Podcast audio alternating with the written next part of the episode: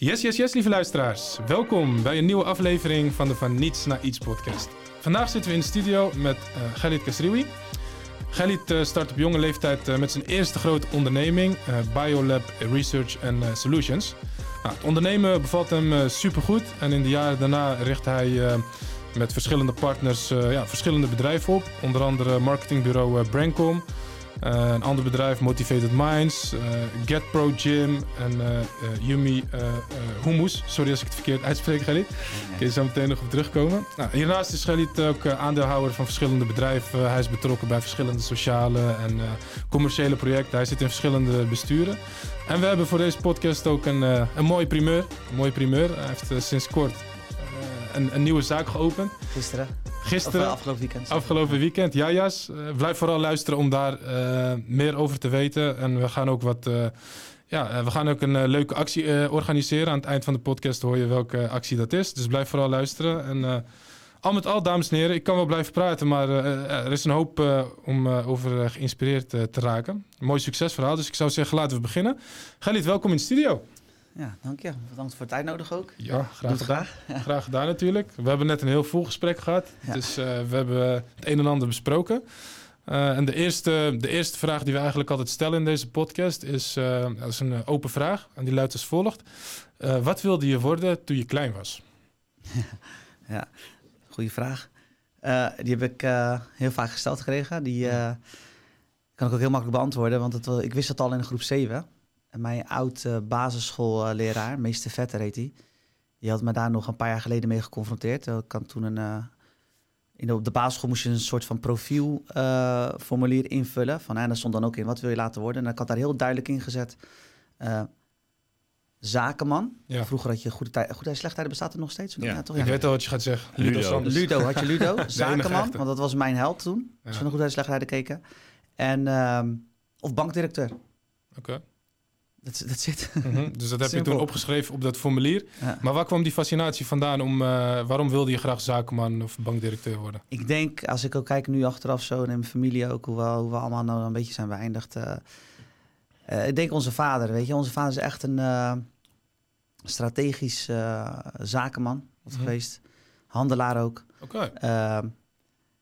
die ging nooit voor de korte termijn, altijd voor de lange termijn. Mm -hmm. Uh, mijn moeder, mijn moeder die was ook altijd heel erg sociaal. Dus daar hebben we denk ik onze hospitality uh, en uh, kwalitatieve, ja, hoe zeg je dat, aspecten hebben we denk ik het meest van onze, van onze moeder, Ja. En ehm, ja, dus ik denk dat het echt daar vandaan komt met de paplepel ingegoten. Ja, dus dan heb je een combinatie van ben je de oudste thuis, jongste? Nee, middelste. Middelste, dus dan heb je broers en zussen die ja. al aan het ondernemen waren of iets aan het doen waren nou, wat indruk maakt op jou? Uh, ja, kijk, ik, ik was eigenlijk de eerste ondernemer van de familie. Ja, oké. Okay. Ja.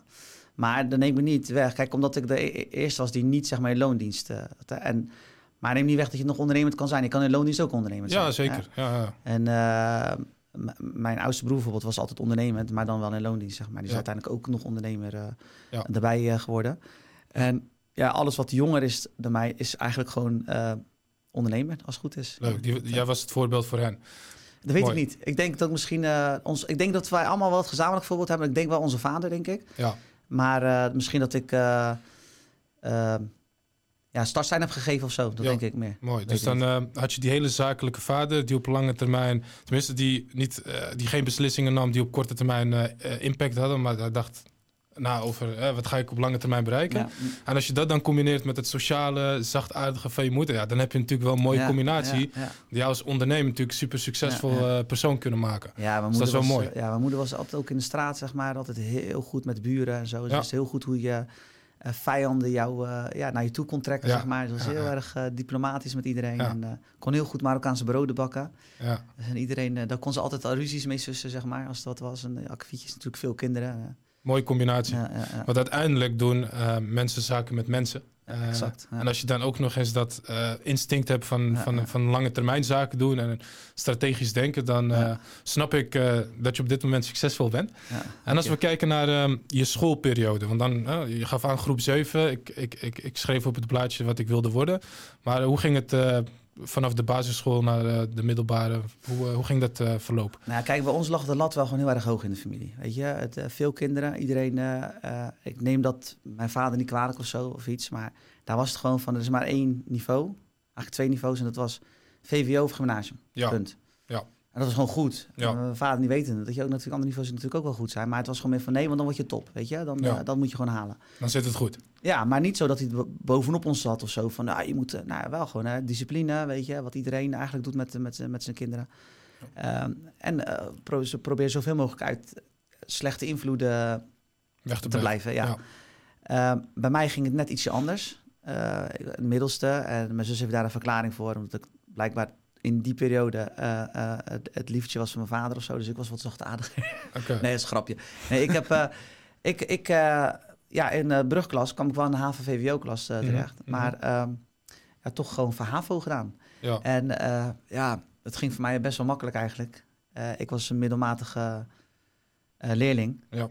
Heel veel connecties altijd. Was altijd al heel erg bezig met netwerken, leuke dingen, met iedereen bezig zijn. En eh, organiseren ook, eh, op school ook. Op middelbare school was ik ook een klasvertegenwoordiger. Mhm. Ik vond het leuk om eh, feestjes te organiseren, et cetera, et cetera. Je kent het wel. En later pas toen, eh, pas op de HBO kwam ik erachter dat het helemaal geen lage opleiding was, zeg maar. Ja. Ik dacht van, ja, weet je, ik ben de laagste geschoolde. ja, vol- volgens de Ja, het referentiekader ja, van jouw gezin, ja, was HAVO ten opzichte Atheneum VWO iets lager. Maar waarom kwam je er later achter dat HAVO helemaal niet zo eh, laag is als dat je dacht? Hoe merkte je dat? Omdat ik eh, eigenlijk, omdat je gaat de wijde wereld in. Ik ben opgegroeid in een dorp. En dan op een gegeven moment ga je naar Rotterdam toe. En dan zie je van, nou, dan krijg je daar het respect. Weet je, HBO, je kreeg ook gewoon van je omgeving. Zo, HBO goed zeg. Dan ging je naar de HES, Hogere Economische School. Ja. En dat was een soort HBO plus. Want je Ja, die staat goed tegenover aangeschreven. Ja. staat heel goed aangeschreven. En, dat, eh, en dan kreeg ik best wel veel erkenning en zo. Weet je, Ja. respect. En toen dacht ik, oké, dit, dit is best hoog, joh. Weet je? Dus ik zag ook mensen die VWO hadden gedaan. En die kwamen juist bewust, eh, gingen ze naar, eh, naar de HES toe. Ja. Eh, onder het mom van, ja, we willen meer de praktijk in in plaats van academische gedeelte, gedeelte doen. Nou, nou, Ja, leuk. goed. Ja. Dus je was al een echte leider. Je gaf al aan, ik was klasvertegenwoordiger. Je nam al het voortouw. Ehm, op een gegeven moment ben je het HBO gaan doen. Welke opleiding heb je gedaan? Ja, ik ging ehm, eerst verkennen, zeg maar, op de, op de HES. Want ik wist, ik moet die kant op gaan, economie. Waarom? Ja. Ik, ik weet niet, dat trok mij gewoon. Ik dacht, alle vakken die trokken mij. Dus je had logistiek, je had eh, commerciële economie, je had eh MER, eh et cetera, et cetera. Volgens mij zijn er nu heel veel opleidingen bijgekomen of veranderd. Ik weet niet of het nog steeds zo heet, MER, Management Economie en Recht. Maar toen ging ik dus, in eerste instantie dacht ik logistiek, want de haven fascineerde me altijd, weet je. Ik ben echt, echt, ik hou van Rotterdam. Ja. Ik echt serieus, oprecht. Ik, van Rotterdam is echt, ik ben ook Feyenoorder trouwens, dus Heel goed, heel goed. ik weet niet of je dat zo leuk vindt, maar Nee, ja, ik, ik, ik ben neutraal wat dat betreft. Ik heb niet per se... Ik vind eh, hij niet zo leuk. ik vind alle geen idee. Ik volg helemaal geen voetbal. Oké, nou Dus, goed zo. eh, Maar Veel goed, te druk. ja. Koen is van de Formule 1, denk ik. Of niet? Ook niet. Ah, oké. Nee, Nee. ja, honkbal, een aparte sport. Ah, dan moet je in de VS zijn. Ja. inderdaad. Nee, sorry, ga verder. Nee, dat maakt niet uit. Ik, eh, dus Rotterdam, echt, blij- ik ben gefascineerd door de haven. We gingen altijd al uh, voor kleins van schoolreisjes naar de haven. En het is toch trots van Rotterdam. Dat was Ja. in mijn tijd was het de nummer één van de wereld. Ja. In mijn jeugd. Nu niet meer, eh, al een tijdje niet meer. Nee. Dus het was zeg maar de trots van Nederland. En ehm, ik vond ook altijd Rotterdam is de hoofdstad van Nederland. Altijd. Weet je, ik ben ook gewoon zo opgevoed eigenlijk. Met, Ja. eh, pas toen ik uh, aardrijkskunde echt serieus kreeg, dacht ik, oh, Amsterdam, is dat de hoofdstad van Nederland? Ja. maar goed. Dus, Net zoals je bijvoorbeeld in de VS het gevoel hebt als je daar bent dat New York de hoofdstad is en niet Washington. Exact, Mhm. gewoon exact Heb je dat hetzelfde. gevoel ja, ook, ja, eh, in dat, Rotterdam? dat- ja, je, Kan ik me voorstellen, het heel goed. Dus ik, ehm, ja, haven. En ik dacht, nou, ik ga logistiek doen, want dan kom je richting de haven. En ik was Oh, gefascineerd door vrachtwagens, want eh je komt dus uit Barendrecht. Dan heb je de grootste groente- en fruitveiling van Ja. de Benelux, volgens mij zelfs. Greenery onder andere Ja, zit en er ook. ik vond het heel stoer om al die vrachtwagens te zien als klein jongetje Ja. altijd. Ja. Zonder van die merken op. En ik zei altijd vroeger van, eh, ooit ik een vrachtwagen met mijn achternaam zo. Weet je, of later. Weet je? Ja. En ik vond het stoer om dat gewoon zoiets te hebben. Ja. Dus ik dacht logistiek. Ik kies voor logistiek, want dan kom ik in dat havenwereldje terecht. Ja.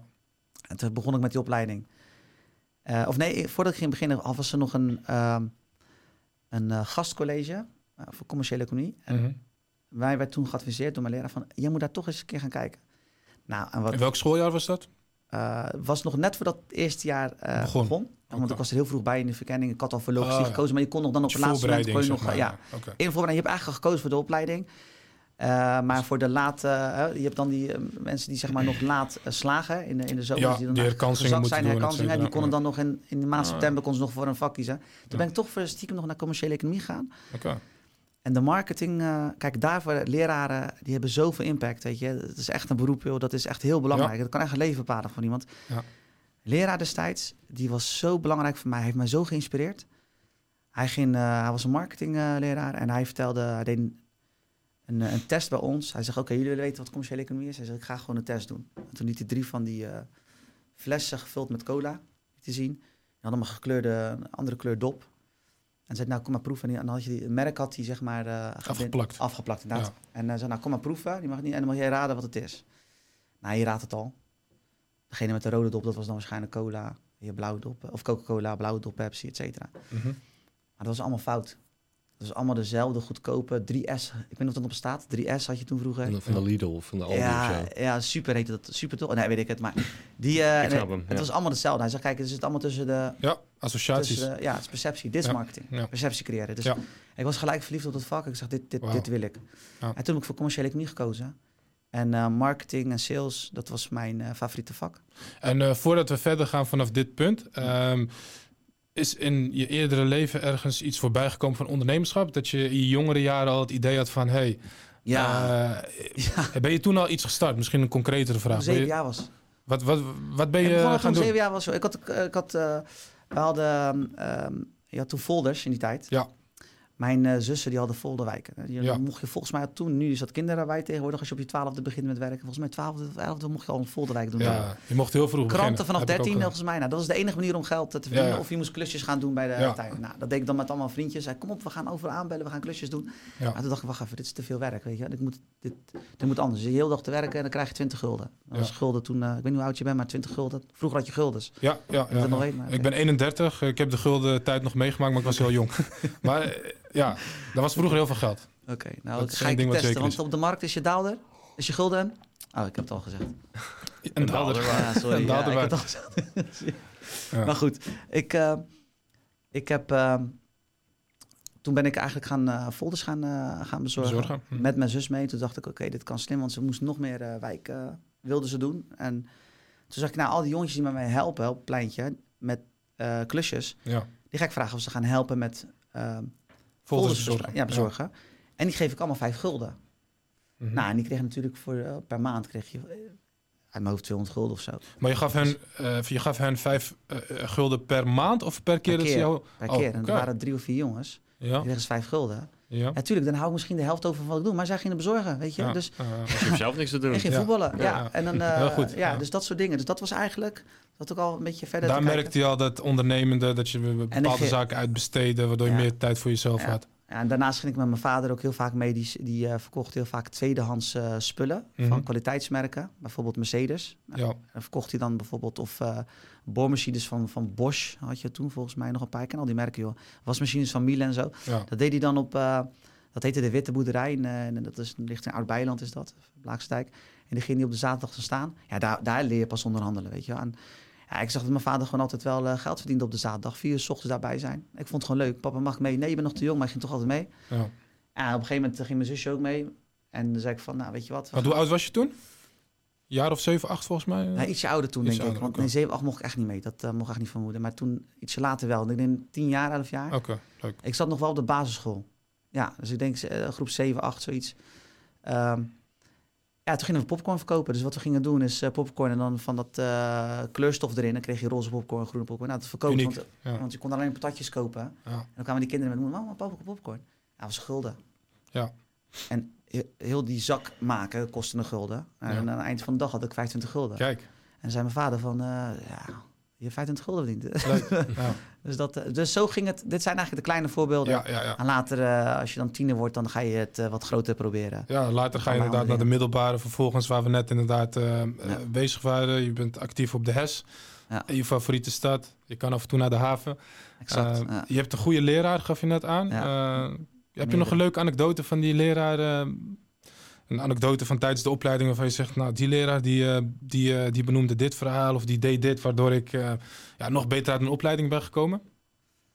Ja, kijk, wij hadden een leraar op, op... Ik ben na de HES, ben Mhm. ik naar de HES... Ik, op een gegeven moment het derde jaar of zo voelde ik me niet meer zo, zo prettig op de HES. Oké, En dan ben ik samen met een vriend van mij. Die heet trouwens eh eh Galit Moerig, is een bekende schrijver. We zijn samen toen naar, toen heette het de Ichters Hogeschool. Dat werd even later werd het in Holland. Oh, ja. We kwamen daar terecht en daar kwamen we met dus één persoon. Die heet Jan Lohman. Ja. Dat is onze leraar. Ja, hij heeft ons... Zijn lessen waren gewoon Welk- ver uit... Welk vak gaf hij? Hij deed volgens mij meerdere vakken, maar hij deed ook sales en marketing. Dat, dat, had op de, dat had op die school weer een andere naam. Ja. Ehm, maar wat hij deed, hij, hij pakte geen boek erbij, niks. Ja. Hij, gewoon, hij kwam ook uit het bedrijfsleven. Volgens mij, uit mijn Ja. hoofd, heeft hij gewerkt bij eh, Exact of zo. Ik kwam uit e- ehm, e-commerce, maar hij heeft ook nog eh, universiteiten gewerkt. Met hem heb ik nog regelmatig contact. En hij, ehm, hij was best wel streng, maar gewoon, ja, gewoon rechtvaardig streng. Weet je wel? Ja. Dus eh, mensen die daar gewoon aan het... tijd, ja, ja. precies aan het kloten waren, zo kort gezegd. Ja, dat was hij gewoon heel direct tegen. En Ja. we moesten, moesten eigenlijk maar weggaan. Ja. Lessen waren superleuk. Hij gaf ons praktische opdrachten continu. En hij benoemde telkens voorbeelden uit, eh, Uit het bedrijfsleven. uit het bedrijfsleven. ja, dat is het mooiste meegemaakt. Ja. Ja, dat is gewoon perfect. Dat Ja. is het ook. Hij ging ook ons heel vaak gewoon naar buiten toe, weet je. Kop van Zuid in Rotterdam was toen volop in ontwikkeling. Ja. En dan gaf hij ons daar gewoon eh, opdrachten, weet je, wat je moest doen. We hadden, ik, ik, nog, ik herinner me nog één opdracht. Ik weet niet, als je het gaat horen, misschien moet hij dan lachen. Afrika House heette dat. Dus Afrika House, dan moest je een product volgens mij. Afrika kwam en dan moest je dan daar gaan promoten. Ja. Ja, en dan moest je gaan vertellen hoe je dat dan... eh, een soort mini-onderneming moest je dan gaan starten. Maar Ja. gewoon echt heel serieus, hè. Het was geen grap. Het was- Dus je moest ook geld eh, op gaan halen bij, eh, bij je familie of vrienden, et cetera. Je moest echt gaan leren van, oké, hoe zet je een bedrijf dan op? Wat Ja. betekent een BV, et cetera, stichting. Ja. dat was gewoon zo leuk. Je lette dan niet op de tijd zo, weet je. En als, Ja. als dan... Die lessen duurden wel vier uur, volgens mij. Dan was je daarna vrij, maar we gingen gewoon door. Ja. En, dan had hij ook geen probleem mee, weet Ja. je wel. Hij vond het ook leuk om door te gaan. Misschien kreeg hij niet eens betaald, ik weet het niet. Maar Ja. Ja. dat zijn de beste docenten. Shout-out naar. Jan. Zo heb ik ook een voorbeeld van eh. Bob. Bob Smit, als je luistert. Bedankt voor je werkplaatslessen. Hij noemde een keer een voorbeeld van Colgate. Colgate wilde meer eh, tandpasta verkopen. Want het ging niet zo goed. Of ze hadden een bepaald eh, omzetdoel. Dus wat bedacht Colgate? Colgate bedacht om de opening waar de tandpasta uitkomt... om die een paar, centime- een paar millimeter groter te maken. ja, ja, Nou, wat gebeurt er dan? Op het moment dat de opening groter meer. is, dan, dan verbruik je meer. ja, ja. En dat keer weet ik veel hoeveel duizend eh, van die eh tubussen per dag verkopen. Ja, en dat zijn dan net even die voorbeelden, weet je wel, van iemand die inderdaad uit het bedrijfsleven komt, die cases kent, eh, daar als projectleider heeft gezeten of iets in die richting, Ja. waar je net even wat meer van leert. Ook als je naar de praktijk ingaat, zoals je zei, Ja. zo'n Afrika House eh, project waar je echt met eh, ja, je, je, je, ja. Hij voet in klei bent aan het, ja, je Ik gaat zag gewoon aan wat de jij slag. zegt. Ik zag wat jij zegt. Hij leerde ons heel erg van oké, niks is wat het lijkt. Weet je, ik bedoel, je Ja. kijkt naar de Unilever, naar een product. We hadden toen in die tijd was het eh, van Philips, weet dat, die koffiepads ook weer, Se- Senseo. Ja, Ja. Dat was toen net in, zeg maar. ja, Vertelde hij ook gewoon wat er allemaal achter zit. En de kleuren, dat het bewust gekozen is. Want ja, Ja. dat besef je dan helemaal niet. Dat, er wordt zoveel wat nagedacht over een kleur. Weet je, groen, rood, geel. Dan ga je ermee aan de slag en dan ga je er ook over nadenken. Ja. Van wat je uitstraalt en wat je doet. Ja. En eh, ja, het ligt allemaal aan, aan de hersenen. Je, hoe jij je kan... eh, Ja. ja, iemand anders kan, eh, kan beïnvloeden eigenlijk. Om Ja. jouw product of jouw diensten af te nemen. ja, dat merk je dan aan die verhalen over Senseo inderdaad. Of de praktijk eh, case met eh, de Coca-Cola flessen. Ja, die, ja, Waarbij je dacht, nou, rood is sowieso Coca-Cola, Ja, ja. blauw is Pepsi, maar het bleek ja, inderdaad ja. allemaal goedkope 3S-cola te zijn. Dat zijn inderdaad die associaties die we standaard maken. Ja. Het is ook heel vervelend in Mexico volgens mij. Daar is de naturel chips, zit Mhm. in een gele zak.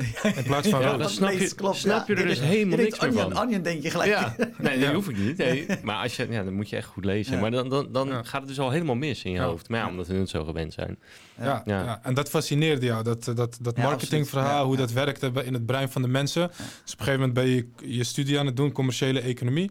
En wanneer kom je eigenlijk ehm, in, in aanraking met je eerste project, onderneming, waarvan je denkt, nou, dit is iets waar ik echt in, aan vast wil houden, waar ik misschien wel mijn eerste serieuze onderneming van wil gaan maken?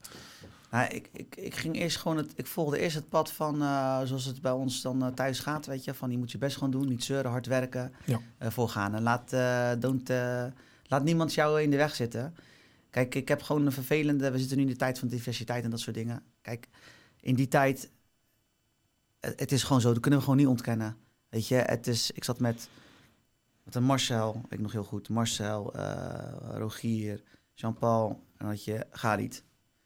Nou Ja, en ik had gewoon betere cijfers dan een aantal van die jongens. Mhm. Maar het lukte me gewoon niet om een afstuderen stageplek eh, te vinden. Het lukte gewoon niet. Ja. Ehm, bij dezelfde bedrijf werd Marcel wel aangenomen. Ja. Een exact hetzelfde bedrijf. Nou, en ehm, ik, ik, ik, ja, ik voelde me daar een beetje door, eh, ja, eh, ja, down Het eigenlijk. deed wat met je. Ja, het deed wat met me. Maar, maar ja, mijn broer zei ook van, ja, wat, wat zit je nou, weet je? Het Je moet door. eh, het is nou van onzin. Eh, nou, dan is dat toch zo. Ga je toch naar anderen? Ja. Zijn, eh, je moet gewoon door blijven gaan. Ja. Nou en? Ja. Dus voor jou wat zwaarder. Dus die, eh, dezelfde mars krijgt het ergens anders weer straks zwaarder. Ja. Eigenlijk heel simpel. We waren er gelijk overheen. Ja, oké, is goed. Dat is that's life. Dus we gingen gewoon door. En eh, op een gegeven moment heeft hij me wel een beetje geholpen, mijn broer. Toen kwam ik bij Deloitte terecht. En dacht ik zo. Ja, in, eh, Serieus Voor- bedrijf. In, in Voorburg. Dan had het zo moeten zijn, toch? Ja, en eh, wel een krijwagentje natuurlijk. Oké, prima. Maar De vraag is alleen, hoe kom je daar terecht? Nou, ik heb mezelf daar een beetje naar binnen gebluft, hè. Ik ben Ja, heel Hoe brutaal... is dat gegaan? Ik ben heel brutaal gewoon eh, daar eh, gaan aankloppen. Oké. Want ik had een sollicitatiebrief gestuurd en eh, ik zou dan een keer op gesprek mogen komen. Ik hoorde maar niks. Mhm. Maar ik had de naam van, eh, van een van de partners daar. Dus ik kwam daar bij de receptie en ik heb me gewoon naar binnen gebluft. En ik heb gezegd, "Ja, ik heb een afspraak met, met die persoon. Ik ga de naam niet noemen. En de receptie die trapte er een beetje in. En zei, ja, maar het staat niet in de agenda, bla bla. En ze stond heel raar naar me te kijken. En toen kwam ik gewoon naar binnen, ging daar zitten. En eh, ja, toen zeiden ze, nou, neem me een plaatsje. En dan zag je ze zo achter de receptie, die twee dames, zag je al een beetje in paniek. En naar me kijken. En toen zag ze te bellen naar boven. En toen kwam er op een gegeven moment een meneer uit eh, de lift. En ik zal zijn naam ook niet noemen. En een gordijntjes haar zo, zo'n pak. En dan komt een beetje binnen en hij zegt... eh, hij zegt, eh, hallo, ja, wie ben je? Zeg, "Nou, maar je hebt de afspraak met die en die, ja. Ja. Maar eh, wie heeft die afspraak dan met jou gemaakt? Ik zeg, eh, hij zelf. "Eh, nu, om 11 uur, ja, klopt. Hoe kan dat nou? Want hij is in Zuid-Afrika. Mm.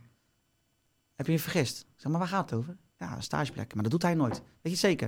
Ik zeg, ja, ja. Toen op een gegeven moment dacht ik, ja, ik kan die leugens niet meer volhouden. Ik wil Ja. gewoon een gesprek met hem. En van waarom Ja. word ik eh, niet teruggebeld? Ja. Ja, daar was hij niet van gediend. Zei hij van, nou, kijk, op deze manier ga je niet solliciteren. Weet je, dit is niet oké. Dus Met hij je houdt mij van de tijd. Ja, hij houdt mij van de tijd, de ander van de tijd. Die dames zijn een beetje geschrokken. Ja, ja. Zeg, ik verzoek je nou om het pand te verlaten. Ik zeg, ook is goed. Ik denk, nou ja, maar boeien. weet je. je hebt het het geprobeerd. Nee, heb je ja ik zit in de trein terug, word ik gebeld door hem. Wauw. Sorry dat ik net een beetje bot deed. Hij zegt, kun je maandag langskomen? Ik zeg, is goed. Zo, dat is positief. Maar Oh, zo zie je maar, hè, ja. brutale hebben de halve wereld. En je probeert het eh, via weg A. Als het via weg A niet lukt, probeer je weg B. Ja, maar ik snap zijn eerste reactie ook wel. Maar waarschijnlijk is er wel iets blijven hangen van... hé, hey, dit is wel iemand die ergens voor gaat. Ja, Ja. En Hij dat, was gewoon een beetje gestrest en hij had ook eigenlijk iemand nodig. Want eh, hij, had een, hij heeft altijd een afstudeerplek. En die, Ja. eh, mijn voorganger die ging, die was klaar. Dus ik kwam eigenlijk op het perfecte moment. En hij dacht ook van, ja, dan bespaar ik me wat tijd. Hoef ik niet weer allemaal sollicitatiegesprekken te voeren. Mhm. Blijkbaar is hij via via gekomen. Dan zal het wel goed zijn. Ja. Dus, eh, En zoals Koen zegt inderdaad, het is wel, je bent wel iemand die ergens voor staat, je durft. Ja. En dat, dat zijn wel vaak de persoonlijkheden die je nodig hebt in een bepaalde stageplaats, zeker bij een wat groter bedrijf. Ja. Dus ik kan me voorstellen dat hij inderdaad, op het moment dat zijn emotie weer is gezakt, dat hij denkt van, hé, maar wacht eens even.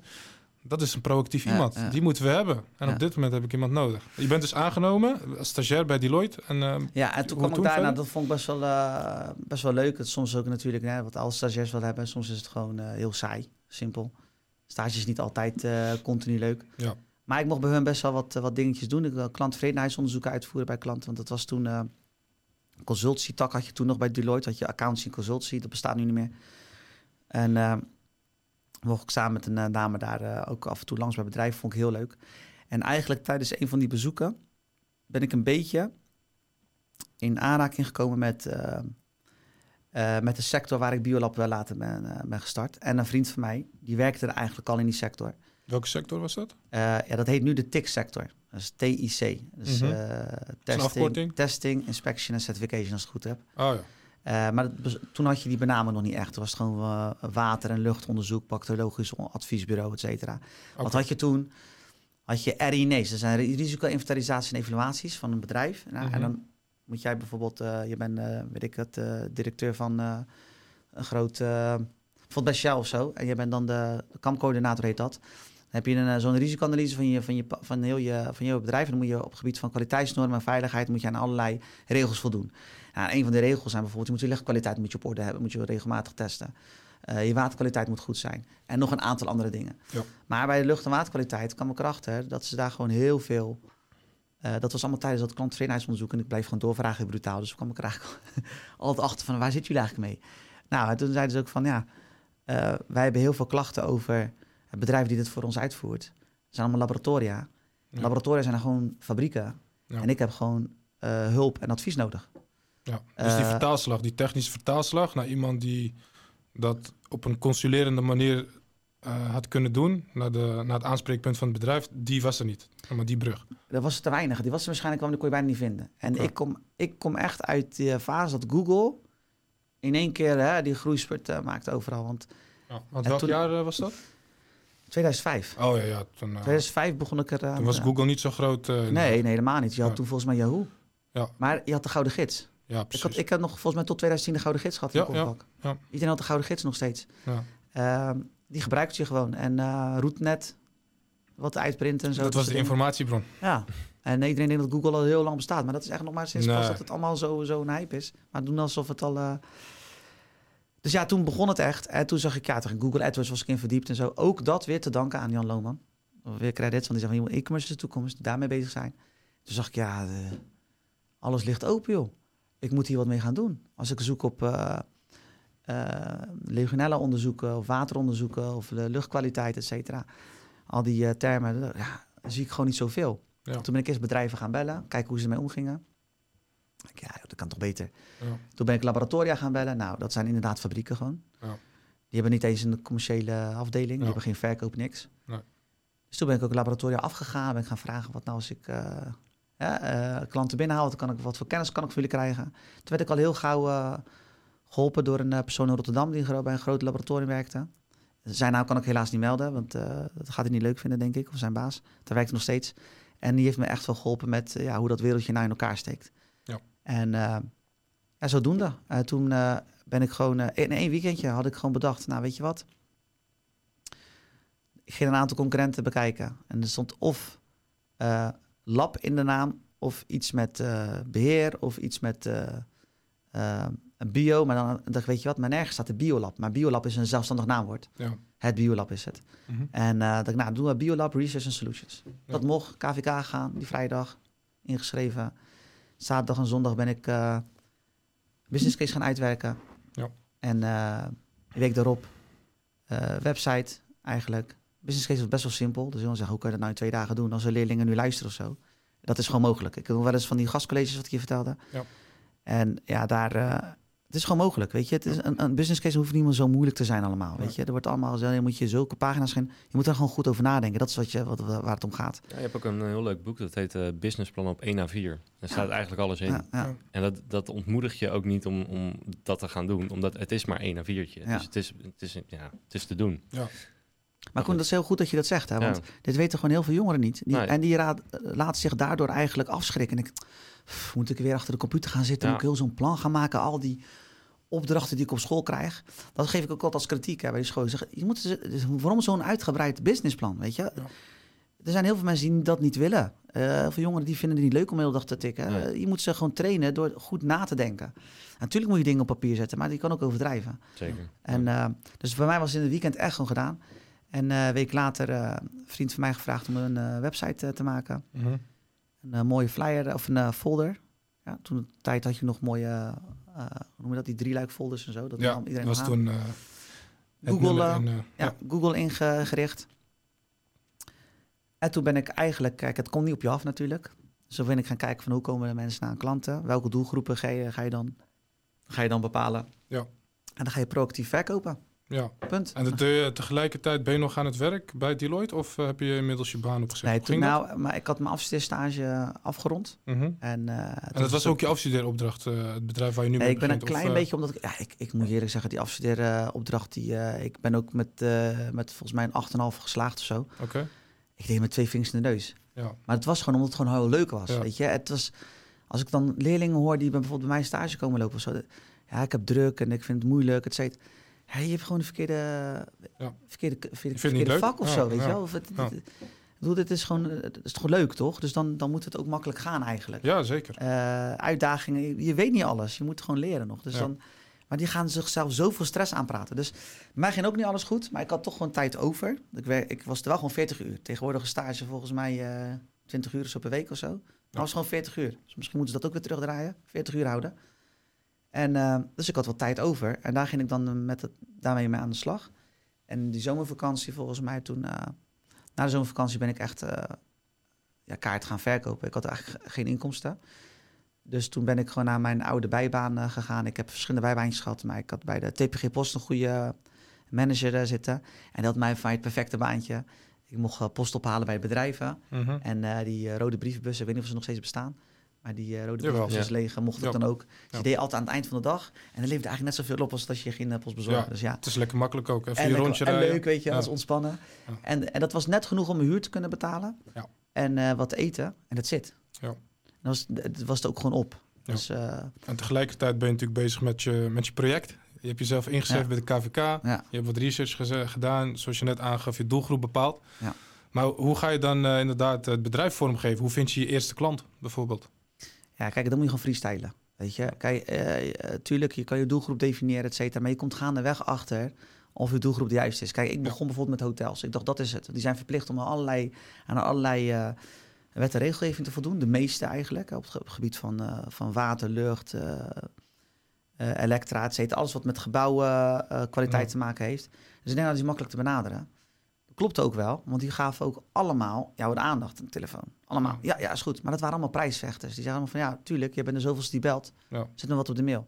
Dus ik kreeg niet echt opdrachten. En als ik een opdracht kreeg, dan was het echt gewoon eh onderste uit de kan wat ze haalden. Mhm. En ik denk En ook ze- dat je de gatekeepers, of de, hoe noem je Ja. dat? De decision makers, Ja. degene die echt besluit van oké, we gaan het doen, dat die minder makkelijk bereikbaar zijn bij een hotel ten Ja. opzichte van een ander Dat bedrijf. heb je heel goed gezien, dat klopt. Dus dan ben je best wel veel eh, tijd aan besteden. Ja. Maar zo, en terwijl je dacht dat dat, de, dat is de doelgroep. Ja. En dan kom je erachter van, nee, dat is helemaal niet eigenlijk een goede doelgroep voor mij. Er zitten concurrenten van ons. Ja. Maar die, hebben daar, die doen het er eigenlijk bij. Ja. Dan dacht ik, nou, hoe ga ik dat anders doen? Dan denk ik, nou, weet je, waar moet je op richten? Dan ga je kijken, oké, wat wil je nou eigenlijk? Wil je kwaliteit verkopen? Ja? Dan moet je je daarop richten. Wie horen dan daarbij? Eh, welke doelgroep? Nou, en zo ga je dat dan per stuk ga je dat eh, bepalen. En dan moet je een focus bepalen. Weet je, want alle leerlingen, zeg ik ook altijd, ook mensen die bij mij, eh, bij mij werken en zo, bepaal gewoon je focus. Dus ja, dat, dat is eh, vreemd om dat uit jouw mond te horen. Jij zit overal eh, nergens. Ik zeg, maar toch, toch eh, bepaal ik toch elke keer mijn focus. Ja. Ik ben niet eh, overal tegelijk hebt, mee bezig. Je hebt een startpunt Ja. voor elk bedrijf. En als je meerdere bedrijven hebt opgezet, betekent het niet dat je niet meerdere keren de focus hebt kunnen verleggen. Mhm.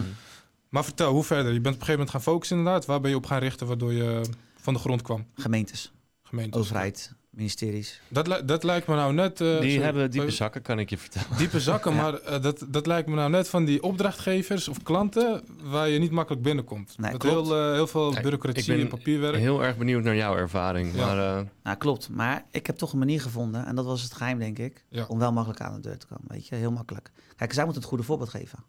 Ja. ja? Zij eh, dienen ook eh, eigenlijk gewoon voor alle ondernemers open te staan. Toen had je nog niet dat, dat, dat, dat aanbestedingsbeleid ja, en zo. het is nu allemaal wat lastiger inderdaad. Ja, ja. niet. Ja.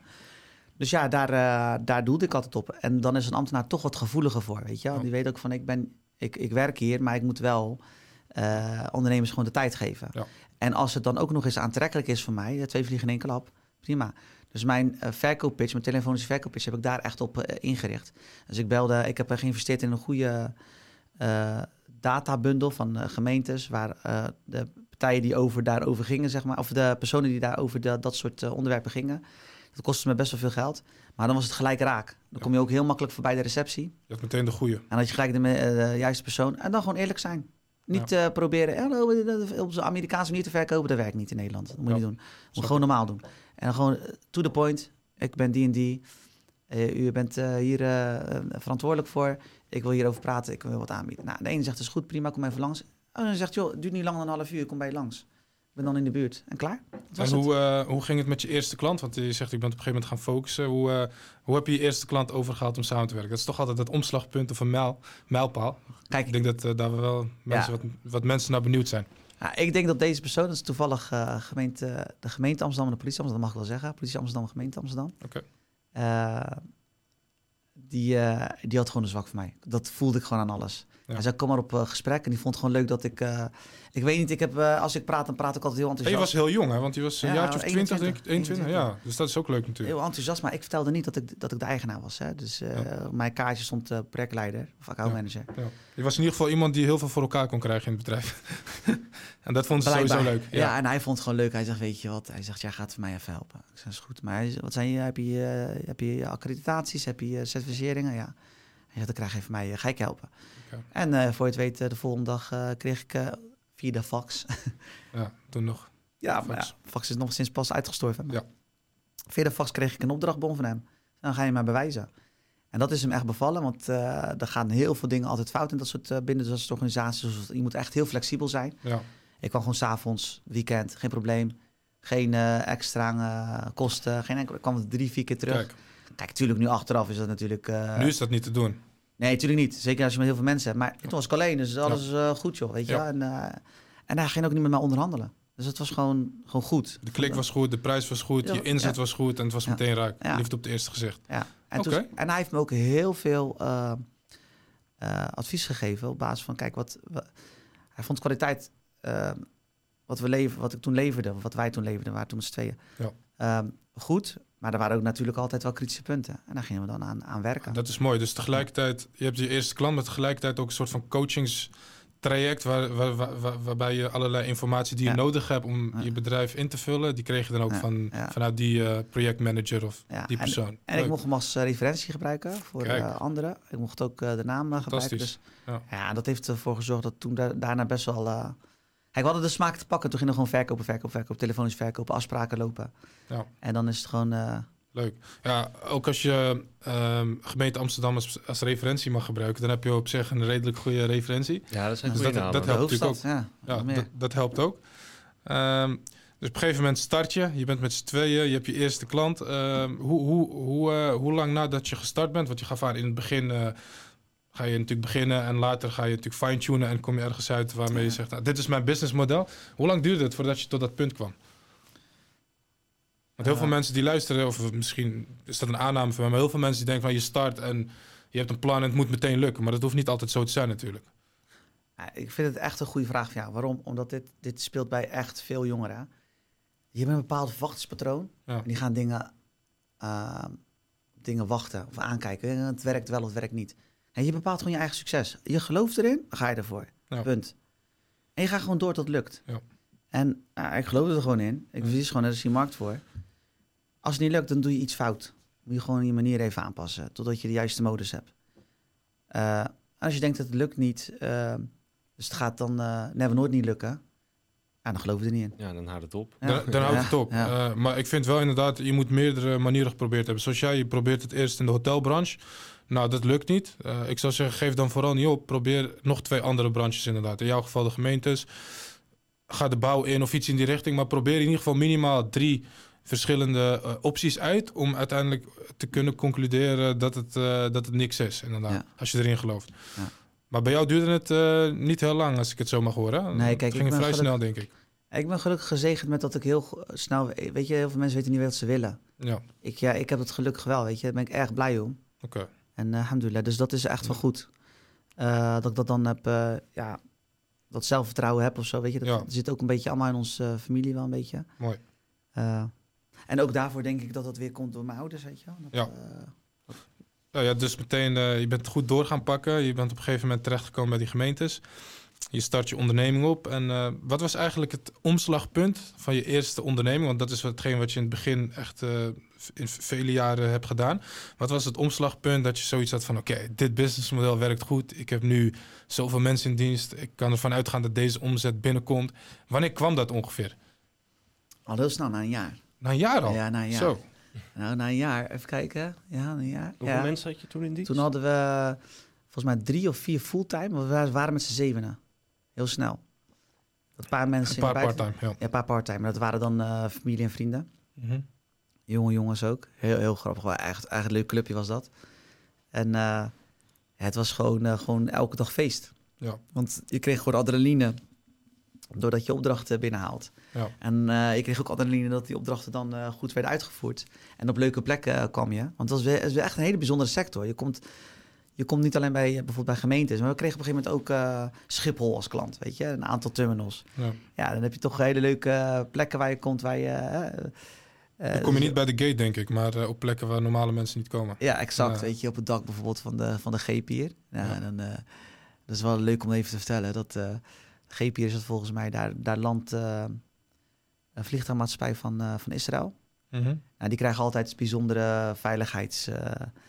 Uh, en dan, ja, de, we moesten daar het dak op en dan zie je gewoon dat daar mensen van de marechaussee met scherp staan. Ja, en de pistool van de geweer op je richten van wegwezen, weet je. Dus Eh, dat, was, eh, dat soort dingen maak je dan mee. Dat zijn hele verhalen die, die, ja, die je kan vertellen altijd. Eh, maar ook bijvoorbeeld naar een booreiland eh, gaan we met de helikopter. Ook nog geweest. Eh, helemaal naar eh Texel. Eh, dat is een hele, hele, hele tour, eh, zeg maar, weet je. Met de boot over bij eh Den Helder, toch? Moet je dan over? Ja, ja, ja. Dat is En, de eh, pont. ja. Eh, ook dingen van Rijkswaterstaat Leuk. gezien en zo. Dat is hartstikke leuk. Ook eh, Amerikaanse defensie in het oosten van het land. leuk. Ja, dus ehm, eh, de lucht, luchtmachtbasis is dat volgens mij ook geweest. Politie is altijd leuk. Politie is gewoon leuk, weet je. Als je bent bij de, waar de MBE is en de politieacademie en zo, dan zie je dat allemaal daar. Ja. Je ook, is trouwens ook wel een misschien wel een tip. Politie, bij de politie te werken is ook, het is echt wel leuker dan eh, mensen misschien eh, denken hoor. Het is echt, eh, ik heb er wat, wat, wat vrienden ook zitten. Mhm. Het is ook eigenlijk een hele ondernemende, Ja. ja, ja vind ik wel. Weet je, het is helemaal niet... Ja, ook wel eh, snelle jongens ook eh, altijd. Ja. We hebben hier in de studio eh, Rashid uh, Kadour gehad. Van eh Kadour eh, Puur en Eerlijk Vlees. Misschien ken je dat wel. ja, Groot Ja, ja, vleesimperium ja, ja. inmiddels. Maar die heeft inderdaad de eerste tussen de 7 en 8 jaar van zijn, eh, van zijn werkleven heeft hij ook bij de politie gezeten. Maar je, je bent echt bezig met je eigen, eigen cases. Ja. Je kan het zo proactief, als je zelf wil, je dat aanpakken. Dus Ja. eh, dat is inderdaad... die pro- dat proactief wat je zegt, dat, heb je, dat merk je gewoon. Al die mensen zijn gewoon fijn, weet je. Maar de politie, zijn allemaal gewoon op aanpakkers. Ja. En ze weten als ze willen ze dan door. En ik denk, ja, eh, als ik dit allemaal... Ik denk als het nou niet geweest, ik denk dat ik misschien bij de politie had gewerkt. Oké. Dat trekken mij wel het meest. zeg maar. Ja. Ah, je, je noemt nu wel een paar mooie projecten, zoals Schiphol en eh, het gemeente, gemeente Amsterdam. Maar je favoriete stad Rotterdam, eh, de, Ja. de haven, heb je daar nog iets eh, ja, tuurlijk, joh. Maar jij had het over de allereerste klant natuurlijk. Ja, hè? Dus ja, dat is, dat. Kijk, ehm, eh, ja, zeker. Ik bedoel, ik heb daar binnen Rotterdam heb ik heel veel kunnen doen. We hebben vastgoedbedrijven. Oké, ik heb nog eventjes ook nog voor Feyenoord wat, wat dingen kunnen doen. Dus dat was helemaal leuk. Ehm, grote industriële bedrijven zoals Vopak, Shell, die daar allemaal zitten. Al de grote namen eigenlijk wel eh, Ja. voor gewerkt. Leuk. Eh, uiteindelijk ook de gemeente Rotterdam. Eh, ehm, dus ja, zeker. Ja, Rotterdam heel veel in de omgeving kunnen doen. Nou, dan heb je op een gegeven moment die beginfase. Je hebt op een gegeven moment een fase ergens in het midden. En dan heb, ja, kom je op een gegeven moment na een aantal jaar uit bij een fase waarbij je best wel veel mensen in dienst hebt. Want hoeveel mensen heb je nu in dienst? Nou, kijk, eh, je bedoelt nu bij, kijk, bij Biolab zitten, ben ik niet meer, ja. ja. Bi- Biolab ben ik niet meer eh, eh, betrokken in het bestuur. Hè. Dat, eh, Op een gegeven moment na zoveel jaar, het is best wel snel gaan groeien. Ja. En ehm, ja, die, die, de- in de tijd dat ik het startte, het was het best wel een, Snap ik, ja. groeide snel en toen werd het een heel gefragmenteerde markt, zeg Ja. maar. Ja, en later kwamen investeringsmaatschappijen eigenlijk. Ik wilde zelf gaan groeien door te kopen. Ja. Dus een paar keer niet, niet gelukt. En toen kwamen de investeringsmaatschappijen uit het buitenland. En daar raakte ik mee in gesprek. En toen eh, was op een gegeven moment één investeringsmaatschappij uit Amsterdam. Ook weer uit Amsterdam. Ja. Die eh, eh, via een, een collega, onder, onder- ondernemer... Die, die zei van, joh, weet je, ik heb mijn bedrijf net, meerderheidsbelang heb ik verkocht. En die zat in de asbest. Hij zei, joh, kan jij, wil jij, sta je er ook voor open? En dan kan je mee participeren. Nou, daar waren we eigenlijk heel snel uit. Dat ja, dit is wel het model, het groeimodel waar ik wel achter sta. Ja. En dat bedrijf hè, waar Biolab nu onder valt, dat, eh, tenminste de, het, het overkoepelende heet Sansidor. Ja. En daar zitten nou heel veel bedrijven onder. En dat gaat echt gigantisch goed. Ja. Dus, eh, En hoe oud ben je op het moment dat je een eh, aandeel verkoopt in je bedrijf, waar tegelijkertijd ook wat tijd bij vrijkomt? Hoe oud ben je dan op dat moment? Eh, moet ik even terugrekenen hoor. Even kijken, we leven nu 2022 toch? Eh, dus ja, vier, dus eh 35. Ja, het gaat er eigenlijk om dat op een gegeven moment komt er heel veel tijd vrij. Je bent 35, je verkoopt een aandeel in je bedrijf, je bent minder betrokken bij het bedrijf, er komt tijd vrij. En dan ga je, heb je natuurlijk tijd om eh, weer andere zaken te gaan eh, doen. Eh, misschien is dat leuk voor het tweede deel van de podcast. Vast onderdeel van, ja, van deze podcast, zoals de luisteraars weten, is de snelle rubriek. Een paar korte vragen waar je gesloten antwoord op kan geven. En dan komen we op een van die vragen komen we terug. Ja. Eh, misschien is het wel leuk, Koen, eh, als jij de snelle rubriek oppakt. Ja, is goed. Ah, Ehm, even kijken, in welk ander land zou je nog meer willen ondernemen? Dubai. Dubai. Of eh Emiraten is dat, ja. En waarom? Of is dat... eh, Komt later. Komt later. Oké. Ehm, met welke ondernemer zou je graag een kop koffie willen drinken? Ja, dit is voor mij maar één voorbeeld ondernemer. eh, waar ik altijd eh, naar op, eh, door mij heb laten inspireren. Dat is Richard Branson. Richard Branson. Ja. Ja. ik pak de laatste wel op. Je gaf, eh, je gaf aan dat, eh, dat je bij Deloitte al zag dat, eh, dat de labs eigenlijk een soort van fabrieken waren. En dat jij daar mooi op ingespeeld eh, hebt. Nou, de vraag die daaraan gekoppeld kan worden is... welke andere industrie zou je op dit moment eh, aan willen pakken... als je daar tijd voor zou hebben? Zo, dat is een goede vraag. Ja, er zijn er te veel om op te noemen eigenlijk. welke, welke komt er als eerste je, je op? Van, Ja. Dat zou ik echt willen. De auto-industrie of de game-industrie of de e-commerce-industrie. Noem het maar op. En de industrie waar ik me het meest aan irriteer is toch de aannemerij. Aannemerij. Bouw, afbouw, Mm. Oké. installatietechniek ook. Irriteer ik me zo enorm aan. Maar meer Ja. van de, de beunhazen die er werkzaam, Ja. werkzaam zijn? Of? Ik begrijp niet waarom ze hun de service, weet je, en eh, eh, het, het hoort eigenlijk bij facilitair, be- facilitair beheer in het algemeen. Mhm. Hè? Dus als het gaat over installatietechniek hè, of over eh aannemerij, niet echt als meer bouw, maar toch. Ehm, maar ik, ik vind hun, eh, hun service en hospitality vind ik gewoon echt in Nederland Ja, dat is misschien bar wel een slecht. beetje een manier van communicatie. Ja, en, eh, ja. Aanpakken, managen, omgaan Mm. met je klant, Ja. afspraken nakomen. Ook een beetje de mindset van jullie hebben ons nodig, niet andersom. Exact, Ja. weet je. En Nederland is, jij moet heel trots zijn op hun installatietechnische mensen. Ja, Maar eh, pas op, weet je wel. Het- Ik bedoel, eh, straks heb je een tekort. ja, Omdat die het- industrie het, gewoon niet aantrekkelijk genoeg meer is. Ja, zeker. Kijk, als ik eh, in het buitenland kijk, dan zie ik gewoon Amerika bijvoorbeeld. Amerika is bijvoorbeeld het tweede land, vind ik helemaal top. Daar is de installatiebranche heeft gewoon, eh, heeft gewoon normen en waarden. Ja. En ik denk van, kijk eens, dit is zo, zo, zo hoort het ook. Waarom is Ja. het niet in Nederland zo? Terwijl we in Nederland eigenlijk veel beter zijn dan in Amerika. Ja. Veel beter. Ja. Kwaliteit is in Nederland gewoon een van de beste ter wereld. Alleen je zou dit stukje hospitality eh Ja, aan toe willen voegen. Ja, ja, ja. Ja. Kan ik me voorstellen. En je wilde graag een kopje koffie drinken met eh, Richard Branson ja. himself. Ja. Hele grote zakenman. Een hele lange tijd een van de rijkste van de wereld geweest. Ja. Wat, zou, wat zou je Richard Branson willen vragen? Als je, eh, waar zou je over willen praten? Kijk, mij gaat het niet om het vermogen. Want er Nee. zijn er nog veel meer. Weet je, maar Ja. het gaat om de manier waarop hij onderneemt. Hij als naar zijn boeken leest en zo. Tuurlijk wordt dat allemaal een beetje eh, met een sausje eroverheen Ja. geschreven. Ja. Maar gewoon, hij heeft wel bepaalde dingen gedaan. ehm, in tijden waardoor hij echt heel veel tegenslagen heeft. eh, Zoals? nou ja, toen hij met, dat, met die muziekrecord, toen ging het op een gegeven moment ook niet goed. Hij had volgens mij heel veel problemen met zijn compagnons. Ja. En dan gewoon zomaar even zijn vliegtuigmaatschappij gaan starten. En Ja. daarnaast gewoon heel veel eh Ja. geïnvesteerd in andere bedrijven. Ik ben in een van zijn eh, hotels geweest in Marokko. Oké. Waar, eh, dat is in het midden van Marokko, ten zuiden van Marrakesh. Heel klein, pittoresk hotelletje. Daar komen de grootste, de bekendste mensen ter wereld. Heel klein zou je niet zeggen. Gewoon midden in de, in de bergen van, eh, volgens mij is dat het Atlasgebergte, volgens mij, of ten zuiden van Marrakesh. Ik ben niet zo goed in, het, in dat gedeelte van Marokko. Ja, super goed gedaan met lokale mensen. Mooi. Ja, dat is re- respect hoe je dat Respect. hebt gedaan. Weet je wel? Dat is Ja. eh, bijvoorbeeld. Maar hij heeft ook hele grote ondernemingen neergezet. Maar hij heeft gewoon een hele eh, industrie gewoon omgegooid. Ja. Kun je zeggen, ja, maar Meerdere van, eh, industrie, hè? Ja, industrie. kan je wel zeggen, die van Tesla, hoe heet hij ook weer? Eh, Elon Musk? Hij ook. En de andere. Ja, tuurlijk. Maar Richard Branson, Ik snap je. begrijp Want, je want wat hij is de eigenaar van Virgin. Dat is Ja. het bedrijf, zeg maar, het paraplubedrijf. Mhm. En met Virgin heeft hij de mobiel, het mobiele telefoonindustrie Ja. een keer eh, op de kop gezet. De vliegtuigindustrie. Ja. Eh, nog, Records, sorry? Virgin Records. Virgin Records. Ja, records inderdaad. Maar ook met het, eh, met het vliegen naar de maan en noem het maar op. Ja. Of na- Ja. sorry, naar de ruimte. Hij is met heel veel verschillende dingen bezig. Een stuk of 15, minimaal, waar hij heel groot mee is geworden. En wat je ziet bij een Steve Jobs of bij een Elon Musk of bij een eh, Bill Gates... is dat ze met één of twee eh, industrieën bezig zijn... Ja. waar ze inderdaad door extreme focus heel groot mee worden. Ja. En eh, ja, mo- mooi, mooi, mooi. Ja, dus dat Ja. inspireert mij, weet je wel. Van, eh, ik. dat hij gewoon eh, blijft doorgaan en durft. Ja, en ook doet Ja. wat hij leuk vindt. Ja, kijk, Ja. dat is een goede koen wat je Dat is, zegt. eh, ja. Ik denk voor hem een ding van... Nou, Koen ik die heeft eh, volgens mij ergens Engels, Engels bloed in zich zitten. Kun jij straks je telefoonboek kijken of we het telefoonnummer van Richard Branson hebben? Ik Voor, heb hem misschien wel op? LinkedIn ergens eh, Op als LinkedIn. derde connectie. Gaan we even kijken of we een kopje koffie kunnen regelen. Oké, ja, als we dan doorgaan naar het tweede deel van deze podcast. Ja, dat is eigenlijk, eh, nou, je begint dus met, met het eerste grote bedrijf. Ehm, je breidt uit, op een gegeven moment verkoop je een aandeel. En tegelijkertijd, wat ik net al zei, komt natuurlijk wat tijd vrij. Wat, wat ben je op een gegeven moment gaan doen? Want je bent later, zoals ik in de introductie al aangaf, meerdere bedrijven op gaan zetten.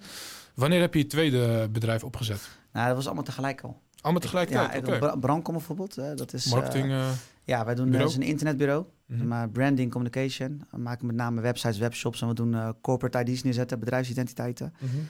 En eh, daar focussen we ons heel erg op. En echt wel gewoon voor het hoge segment. Oké. Dus eh, dingen die eh, op maat zijn eigenlijk. Dus als je een serieuze webshop wil hebben eh, en je hebt een serieuze omzet, dan eh, moet je bij ons zijn. En anders moet je naar Shopify gaan of zo. Maar dat eh, niet oneerbiedig bedoeld wordt trouwens, maar gewoon meer van... Het is pas interessant om bij ons te komen als je echt een eh, website of een webshop op maat eh, eh, wil hebben. Ja. Ehm, en gewoon websites, maar dan wel een, wat, een wat hoger niveau, zeg maar, dan de standaard websites die je voor 1 euro volgens mij kan krijgen. Ja, ja, maand, ja. De bushokjes, al die, Ja. dat is ook hartstikke goed natuurlijk. Ehm, dus dat doen we Wat met was de reden waarom je Brankom eh, hebt Nou, opgezet? daar gaat weer mijn marketing eh, hard weer. Oh ja. Ik ging Ja. tijdens, eh, toen Biolab aan het groeien was, Ja. Toen kreeg een jongen bij mij eh, over de vloer en die eh, was, was ook een stagiair. En die kwam eigenlijk met, eh het, was, het was een designer en die was ook eh, half programmeur of zo. Nee, ik- en ik hou zoveel van wat designers allemaal creëren. Ik hou van dat, van het creatieve gedeelte, zeg maar. Ja. En ehm, ja, marketing, e-commerce, ik, nou, ook weer door, hè, wat ik net al zei, door meneer Lohman. Ja, dat was de toekomst. Dus ik wilde daar heel erg op gaan focussen. En ik dacht, wij moeten gewoon de nummer één zijn in onze sector online. Ja. En dat niemand om ons heen kan. Ah, wij hebben echt wel in die markt echt wel trend gezet. Iedereen ging op een gegeven moment onze websites te kopiëren. We waren de eerste met inlogmodules voor klanten. Wij hebben alles eh, ge- vol geautomatiseerd. Wat was daar de reden van? Waren jullie, gewoon, waren jullie er heel vroeg bij of deden jullie iets unieks ten opzichte van de gewoon, wij waren gewoon... eh, ik denk dat ik het geluk heb gehad dat ik de eerste lichting was Ja. van, eh, van, eh, van school die e-commerce eh, eh, kreeg. Ja. Zeg maar. Dus Ja. dan ben je daarmee gaan verder gega- Ja. gaan. Daar ben je gewoon heel vroeg bij. Ja, was er gewoon vroeg bij. Ja. Dus dat. En eh, met die jongen dacht ik van, nou ja, daar ga ik dan gewoon wat mee beginnen. Want dit is- vind ik hartstikke leuk. Dat doe ik Ja. daarnaast. Mhm. En eh, hij dacht eerst dat het een grapje was. En eh, volgens mij twee maanden later had het pand onder ons gekocht. En Brankom in geplaatst. En toen ging het best wel snel. Want wie was jullie eerste klant?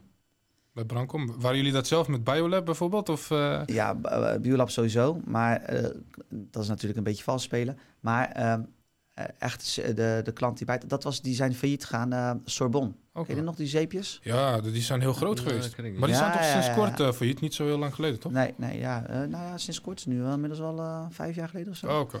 En ehm, wij deden, eh, ja, we mochten heel de huisstijl eh, doorlinken. We mochten de website maken. We deden een intranet voor hen maken. Een kassensysteem koppelen, dat soort dingen. Dus daar, gingen we ook heel vaak mee eh, de fout in. Maar ja, eh, maakt niet uit. Ik bedoel, eh, Daar leer je van. daar leer je van inderdaad. Ja. En toen kwam BAM op een gegeven moment. En eh, hadden we nog een, eh, een aantal eh, zorginstellingen. Dat is wel leuk, want het zat onder, Branco, eh, onder Biolab. En dan kwamen dan heel vaak eh, klanten langs. En oh, wat is dit zo leuk. Want het is heel, een hele creatieve Ja. kantoor. Zo, Oh, een leuke ding, want het trekt, trekt de aandacht. Ja. Kun je gelijk vertellen. doorsturen. Ja, dan zei ik van, kijk, ik zal het even laten zien. Ja. Oh, toevallig is mijn collega daar en daarmee bezig. Nou, even langskomen. Dus heel veel leads leuk, kregen daar dan leuk, leuk, leuk, leuk. Zo deden we dat eigenlijk een beetje. Dus, dat, eh, dat was Brankom, Brankom, ja. als ik het goed zeg. Ja. Gaan we straks ook eh, wat meer over vertellen. Eh, vervolgens eh, ja, ben je nog veel meer bedrijven op gaan zetten, ook met verschillende partners. Wat was het volgende project? Waar ben je aan begonnen? Nou, kijk, tijdens, eh, tijdens, de, eh, tijdens mijn tijd met, met, met Biolab en Brankom en zo, dan was ik ook nog eh, actief in verschillende besturen. Een van de besturen was eh, de businessclub van, eh, van Excelsior, Ja. eh, de voetbalclub, zeg maar. Ja. Dat is een hele leuke businessclub. Ja. Waar ook volgens mij een paar keer achter elkaar de, de leukste of beste, of ik weet niet precies, maar prestigeprijs gewonnen volgens mij in Nederland. Ehm, we hadden toen de tijd ehm, eh, echt een hele goede commercieel directeur. Dus eh, Wouter Gudde. Dus nu eh, werkt voor Groningen. Mhm. Echt, echt een hele goede. En ehm, ja, die club is. Het was, het was heel, veel, ehm, ehm, ehm, heel veel ondernemers die heel veel zaken met elkaar echt deden. Weet je, dat werd Echt een gewoon clubje. Echt, ja, en het was niet zeg maar gesloten. Iedereen was bezig en je werd gelijk opgenomen in de familie. En iedereen gunde elkaar omdat je bij Leuk. de family hoorde. Ja, leuk. Nou, daaruit komen ook dan heel vaak weer nieuwe ideeën. En ik zat ook nog in een eh, belangenvereniging. Dat heet de vereniging, eh daar zit ik trouwens nog steeds in. Vereniging Baanrechtsondernemers. Ja. Nou, dan blijf je eigenlijk, hè, dat netwerk groeit dan heel erg uit. Dus je moet altijd, heel, dat zeg ik altijd tegen, tegen, die, eh, tegen jongeren, leerlingen, van blijf gewoon investeren in dat netwerken. Want ze denken van, ja, netwerken, eh, voel ik me niet zo leuk, want dan moet ik mezelf gaan voorstellen, gaan pitchen. Nee, netwerken kan je op verschillende manieren doen. Ja. Want uit dat netwerken kom je weer, ja, dan krijg je weer ideeën. Ja. Nou, en daar zijn eigenlijk ook weer andere ideeën uit ontstaan. Is daar ook Motivated Minds eh, uit voortgekomen? Ja, uiteindelijk via via wel. Ja. Ehm, eh, er zijn jongens uit, ook uit de omgeving van Amsterdam, kwamen ze toevallig, maar ze kwamen heel vaak Rotterdam. Ja. En ehm, ja, heel, heel, heel goed concept. Het is een, eh, een ehm, eigenlijk, een, een- een- hoe moet ik het zo kort mogelijk samenvatten? Een online coaching portal met een Netflix-principe. Zo, het. hè. Dus je kan kiezen uit eh, verschillende Modules. Ja. ja, en dan kan je gewoon filmpjes eh, bekijken. En je hebt dan ook nog eh, een coach één op één. Met Oh, één leuk. vaste prijs per maand. Dus, Leuk. En dat hoeft, het is geen wereldprijs. Volgens mij zit je op 100 euro of zo. Oh, leuk. Ja, voor werkgevers is dat gewoon perfect. Weet je, dan kan je dat gewoon als je secundaire arbeidsvoorwaarden erbij eh, doen. Ja, mooi, mooi, mooi Ja. pakket. Ja, heel mooi, ja. Je had het net heel, eh, tussen neus, en lippen door even over het netwerken. Eh, welke nummer één tip zou jij een jongere mee willen geven als je het hebt over... Want bij netwerken denk je inderdaad heel snel met een glas cola of er, iets ergens rondlopen en een beetje ergens jezelf voorstellen. Maar welke tip zou je mee willen geven aan jongeren als het aankomt op netwerken? Zou het het beste kunnen doen? Kijk, ne- netwerken zeg ik altijd, netwerken begint niet op een, een borrel waar je naartoe gaat of een, eh, Ja. weet ik het, wat is het, een haringparty, weet ik, al die dingetjes. Nee, netwerken begint gewoon op het moment dat je de deur uitstapt, weet je. Eh, als je de bus instapt, hallo buschauffeur, hallo dit, dat, dat. Maak een praatje met de buschauffeur, oh, mevrouw die je elke keer ziet, praat daarmee. Ja. Met het hondje die je daar ziet, of ga naar buiten. Degene die jouw kaartjes komt controleren, dan weer naar buiten, je gaat naar de supermarkt, even die eh kassadame. Weet je, even gedag zeggen, praten. En praat, vraag door, praat, wees geïnteresseerd, weet je. Haal daar ook, wees oprecht. Wees Ja. gewoon oprecht. Dat is al netwerken. Ja. Dan zijn die zogenaamde verplichte netwerkenbijeenkomsten, wat je van je werkgever moet doen, Ja. die zijn dan peanuts. Ja, dat is peanuts. Dat is Ook omdat de focus dan heel anders is. Je, Ja. je zit er anders in. En als je een oprecht praatje pra- maakt met iemand, dan is dat al heel anders. Nou, wat ook een voordeel is, is als je echt goed luistert naar iemand en je weet Mhm. wat diegene doet of wat het probleem is waar diegene tegenaan loopt, kan jij ook heel makkelijk vanuit jouw netwerk iemand meenemen van "Joh, je moet even bij die zijn. Ja. En op het moment dat jij wat voor anderen gaat doen, gaan die Ja. mensen zich ook hard maken voor jou. Ja, En dat Ja. is ook een onderdeel van netwerken. heel Ja. goed, heel Ja, goed. inderdaad. zeker goed. Ja. Nou, mooie, mooie tip. Eh, Beste luisteraars, doe er wat mee. Dus Ja. eh, op het moment dat je in de lift staat, maak een praatje. Wees Ja. oprecht geïnteresseerd. En er komt een moment dat dat een keer bij elkaar komt. Misschien of misschien ook niet. Je moet er ook niet van uitgaan dat het bij elkaar komt. Maar de kans is groot. Eh, op een gegeven moment ben je ook eh, de, de, de, de sportschoolbusiness ingegaan hè, met eh, GetPro. Ja. Hoe is dat gegaan, joh? Ja, nou dat is gewoon, kijk, daar heb ik een compagnon, die heet Nieuw, Nieuw Noordé. Ja, dat is zo'n fantastische jongen. Echt waar, die, is, die heeft zo'n zo'n goede professional. En hij was eigenlijk mijn, mijn personal trainer. Oké. En die werkte bij een eh, sportschool, zal ik de naam niet van noemen. En daar werd hij gewoon... eh, ja, die ging, daar ging hij weg. Die kon het niet meer vinden met de eigenaar. Vond ik heel jammer, want ik vond hem het gezicht van die sportschool eigenlijk. Ja. Als je Ah, je daar bent je personal trainer kwijt. Tenminste, de personal trainer op die locatie. Ja, en ze hadden nog meer personal trainers, want het was een hele grote organisatie was het. Maar ja, hij was gewoon veruit eh, de nummer één, weet je. Het was, gewoon, het was ook nog eens gewoon een goede manager. En hij is toen voor zichzelf begonnen. Ja. En dat is hij misschien, heeft hij iets te overhaast gedaan, denk ik. Maar toen kwam hij op een gegeven moment, eh, is hij daarmee gestopt. En toen kwam hij bij mij terecht, want we praten heel veel met elkaar. En ik heb altijd gezegd, je hebt een bepaald concept voor de ogen. Hij is heel Amerikaans orientated, zeg maar. Hoe zeg je het in het Nederlands? Ah, dat snap ik. georiënteerd, georiënteerd, Ja, Amerikaans georiënteerd. ja. En ja, hij had een bepaald concept voor ogen dat personal training is voor iedereen. Ja. je? Dus als je naar een sportschool ingaat, dan moet je wel gewoon... De, de sportschool moet goed faciliteren. Het ligt niet aan de mensen. Het moet gewoon, de sport- sportschool moet goed faciliteren. Niet zeggen, nou, wil je een personal trainer, ga maar daar naartoe. Ja. Wil je dat? Nee, je komt binnen, je krijgt gelijk een app. Alles wordt gewoon goed eh, met je doorgenomen, je wordt gemeten. Al, het dan al in. Je moet een sfeer creëren. Hè?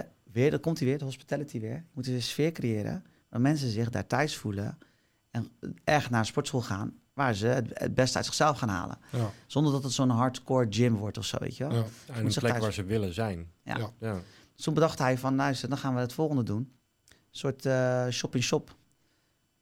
Nieuw is gewoon heel goed in adviseren en managen. Hè? Of hij weet gewoon echt van alles eh, over het lichaam en hoe je het best kan. Hij is ook Nederlands kampioen geweest, volgens mij, body, eh, bodybuilding. Ehm, maar hij, hij kan heel goed omgaan ook met topsporters. Met mensen die bijvoorbeeld echt heel dik zijn en die willen heel snel vallen, weet je wel. Zonder onzin, gewoon echt op natuurlijke basis.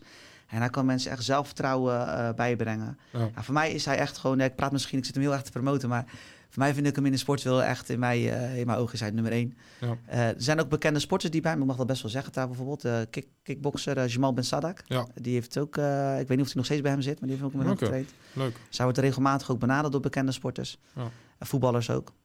Ehm, dus eh, ja, dus ik van, nou, dit gaan we doen. Ik zeg, dan ga ik je helpen hiermee. Eh, als, vanuit mijn ondernemersperspectief. Ja. Dit gaan we gewoon neerzetten. Het gaat heel eh, zwaar worden. Ik geloof in jou. Ja. Ehm, en dan ga je focussen op hetgene wat je, wat je goed... Wat je goed ah, het woord weer focus, weet je wel. Ja. En eh, dat is uiteindelijk... Het is niet makkelijk geweest. Het is echt zwaar geweest. We zaten midden in die belachelijke coronatijd, zeg maar. Weet je, dat Ja. je niks meer kon doen. En toch zijn we overeind gebleven.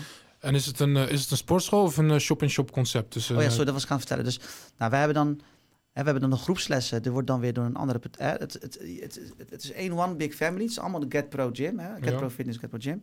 Maar je hebt daar een, een, een, eh, een fysio die bij ons past. We hebben een, uh, een groepslessenspecialist eigenlijk. Dat is een bedrijf die... pardon, Skander heten ze. Die hebben verschillende groepslessen in eh, bedrijven in, in een omgeving. En die zit dan ook bij ons binnen. We hebben eh, ZZP's, we hebben personal trainers die wel onder onze eh, logo wel eh, opereren, maar voor zichzelf. We zijn Ja. ZZP'ers, zijn het Ja. allemaal. En zij huren in principe gewoon. Ja. Maar ze moeten wel aan onze kwaliteitsnormen eh, voldoen. En zo, zo kunnen we iedereen faciliteren. We zorgen Leuk. ook voor voeding. Hè? Dus dat ze de juiste voedselpakketten krijgen. De juiste eh, supplementen. Ja. En eh, metingen. Sinds pas hebben we ook metingen. Eh, uitgebreide metingen van nou, kijken hoe jouw, jouw gesteldheid is op het gebied van vitamines, et cetera, alles. We hebben een sauna, dus je lekker kan... Leuk. oh, nee, trouwens, dat klopt niet helemaal. Op dit moment zijn we er nog mee bezig om die sauna te realiseren. Binnenkort eh, zal het Ja, sauna ja, beschikbaar ja, ja. zijn. Dus we proberen dan echt in de, in de faciliteiten echt te, te, te onderscheiden. En de sfeer. Ja. Op maandagavond hebben bijvoorbeeld een DJ. We hebben eh, continu eh, nieuwe dingen. Ja. En daardoor ontstaat er gewoon one big family. Ja. En je hebt En- en mensen, eh, mensen die echt gemotiveerd zijn in de vorm van ZZP'ers. Het zijn mensen die ergens voor gaan. Je huurt ze in en mensen die graag ook door willen groeien. Dus die willen wel iets serieus neerzetten. Een serieuze les, een serieus eh, concept. Ook dit is ontstaan vanuit frustratie van Niel zelf. Hij was vroeger ZZP'er en hij kreeg gewoon nergens de plek waar hij dat kon, kon doen. Gewoon het vertrouwen. Want ja, een ZZP'er is misschien wel een, een, bedreiging naar neemt die klanten mee. Ja, en zit onze, nou, je, kan, je moet onze klanten gewoon goed bedienen. Precies. En je eigen klanten kan je ook bedienen hier. Moeten ze wel even lid worden. Dus Precies. Precies. Dat wordt- Ja. ja. het is inderdaad meer een soort van platform eh, ja, precies, ja. Leuk. En dan zit je ook nog eens eh, in de hummus. Dat, Ja. Daar ben je ook eh, mede-eigenaar van of eigenaar van? Ja, nou daar moet ik wel zeggen, daar hebben we sinds pas nu eh, einde aan aangebreid, zeg maar Ah, officieel. oké. Eh, is echt heel recent. Maar dat heeft meer te maken met het feit dat ik ruimte wilde maken voor een ander. Ja. En zo ben ik dan ook wel weer. Eh is een jongen die er nu in zit. En, Dus die eh, gaat er wel mee door. Ja, ik, ik, ik blijf gewoon heel erg betrokken. Ja. Gewoon als, als vriend van de zaak. Ehm, ik gun het, eh, gun het echt, want ik, ik, ik geloof in Human Hummus heel erg. Zit op de Kinkerstraat in. Amsterdam. Het is super lekker. En die mensen die er nog niet zijn geweest, ik zou zeggen, ga zo snel mogelijk langs. Ja, zeker. Ehm, maar het, eh, van mij vanuit ondernemersperspectief wilde ik het een, een- net als dat je pocket, met dat pokeball gebeuren. Ja. Dat ging heel snel, hè? Ja. En waarom ging het net zo snel? Omdat je geen keuken nodig hebt. Hè, dus je kan heel snel ehm, ja, opschalen. Ja. Een eh, bepaald systeem inrichten. Je hebt weinig vierkante meters nodig. Ja. Ja. dan kan je het overal openen. En dan, Ja. eh, dan kan je een soort van franchise-module eruit Ja, dat zie je inderdaad bij de sushi-tenten die als paddenstoelen uit de grond eh, ja, schieten. ja. Nou, en dat was bij uh, Human Hummus ook. Ehm, alleen ja, dat, dat, dat moet nog wat meer tijd en Moet energie... een beetje eh, vorm krijgen. Ja, moet nog wat meer vorm krijgen inderdaad. Ja. En als je dan kijkt naar, eh, we, we benoemen nu eh, alle bedrijven die je hebt opgezet, het hele traject wat eraan vooraf ging en alles erop en eraan, die ups en downs. Wat, wat is nou eh, het, het belangrijkste wat je geleerd hebt in die, in die periode? Waarvan je zegt, nou, Ja, misschien is het wel twee in één, want ik had daar ook nog een vraag over. De grootste blunder die je hebt begaan en wat je denkt, oeh, dit moeten jullie weten. Want dan, dan hoeft niemand anders dat, we, dat meer fout te doen. Mag ook iets grappigs zijn hoor. Ja, zo, dat is een goede. Dat is een blunder. Eh, Of, blunder, of een ding waarvan je nu denkt, nou dat had ik toch wel anders aangepakt nu ik dit weet. ja, natuurlijk met, eigenlijk met alles natuurlijk. Ik bedoel, Ja. heel veel dingen die je wil je, als je achteraf een tweede kans krijgt, dan, eh, dan wil je alles opnieuw, eh, weet je, beter uitpakken. Maar ja, we moeten niet streven naar die perfectie joh, allemaal. Dus nee, daarom. dus het is- leer, hoeft ook leert Het is- ervan. Kijk, er is wel een blunder gemaakt doordat ik bijvoorbeeld. eh, ehm, kijk, je- je- iedereen die gaat beginnen met ondernemen gaat op een gegeven moment ook een fase eh, krijgen dat je onzeker bent. Ja. Weet je, dat, dat, is, dat gebeurt er gewoon. Beginnen in zelfvertrouwen, dat, dat is er. En op dat moment moet je gewoon voor zorgen dat je mensen om je heen verzamelt die jou echt het beste met jou voor hebben. Want dan kan je snel blunders maken. Ik heb denk ik met name blunders gemaakt in het eh, vertrouwen van bepaalde mensen op eh, hele belangrijke functies. Nou, dat, daar heb ik gewoon blunders gemaakt, Hmm. denk ik alleen. Maar is dat een beetje gebrek aan mensenkennis? Of dat je denkt, nou dat kon ik van tevoren ook gewoon niet Na, weten. na, naïviteit. Ja, sommige dingen kon ik echt niet van tevoren weten. Ja. Sommige denk soms ook naïviteit, want je als ondernemer wil je gewoon graag dat het, dat het ga- gaat. Hè? Dus Ja. ja, ja, ja, ja maar die, die ander moet het willen. Hè? En, eh, of je denkt eh, heel snel van, eh, eh, ja, droomscenario. Als ik met deze ga, zaak ga doen, ja, dan, gaat, dan, dan, dan eh, word ik ontlast hoor. Dat, of met, met adviseurs in zaken of in zee gaan die eigenlijk helemaal niet zo kwalitatief zijn als dat je van tevoren had eh, bedacht of vanuit ging. Dus dat soort, dat soort dingen, daar... eh, Ja, dat zijn ook dingen zijn die je niet eh, altijd van tevoren kan Nee, weten natuurlijk. Maar goed, daar kun je tegenaan lopen. Maar jij zegt, mocht je dat meemaken, blijf vooral gewoon doorgaan. Zoek het juist bij de mensen die het wel goed met je voort hebben.